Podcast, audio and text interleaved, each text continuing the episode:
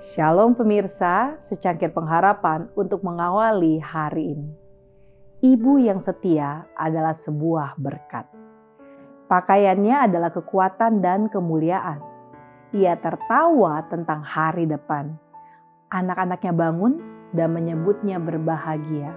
Pula suaminya memuji dia.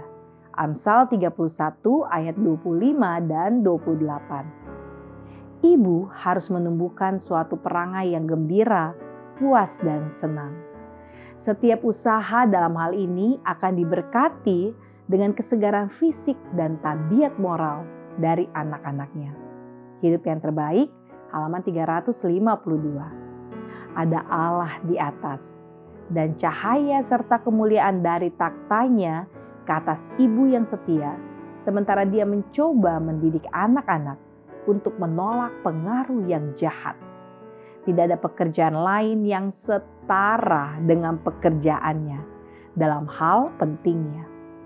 Dia bukan seperti pelukis yang melukis sebuah sosok yang cantik di atas kanvas, atau seperti pengukir yang mengukir di atas batu pualam. Dia bukanlah seperti seorang penulis yang mencanangkan suatu pemikiran yang mulia melalui kuasa kata-kata, atau juga seperti pemusik yang menanamkan suatu rasa keindahan melalui lagu.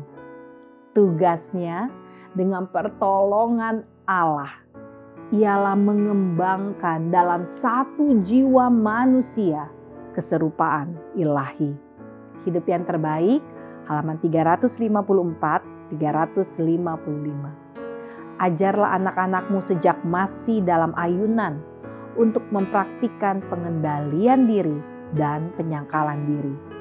Ajarlah mereka untuk menikmati keindahan alam dan pemanfaatan yang berguna untuk melatih secara sistematik semua kemampuan tubuh dan pikiran. Besarkanlah mereka dengan tubuh yang sehat dan moral yang baik supaya memiliki perangai gembira dan watak yang manis. Tanamkanlah ke dalam pikiran mereka yang lembut itu kebenaran bahwa Allah tidak merencanakan supaya kita hidup hanya demi kepuasan saja, tetapi untuk kebaikan yang tertinggi. Ajarlah mereka bahwa berserah kepada penggodaan adalah lemah dan jahat, tetapi menolaknya adalah mulia dan berani.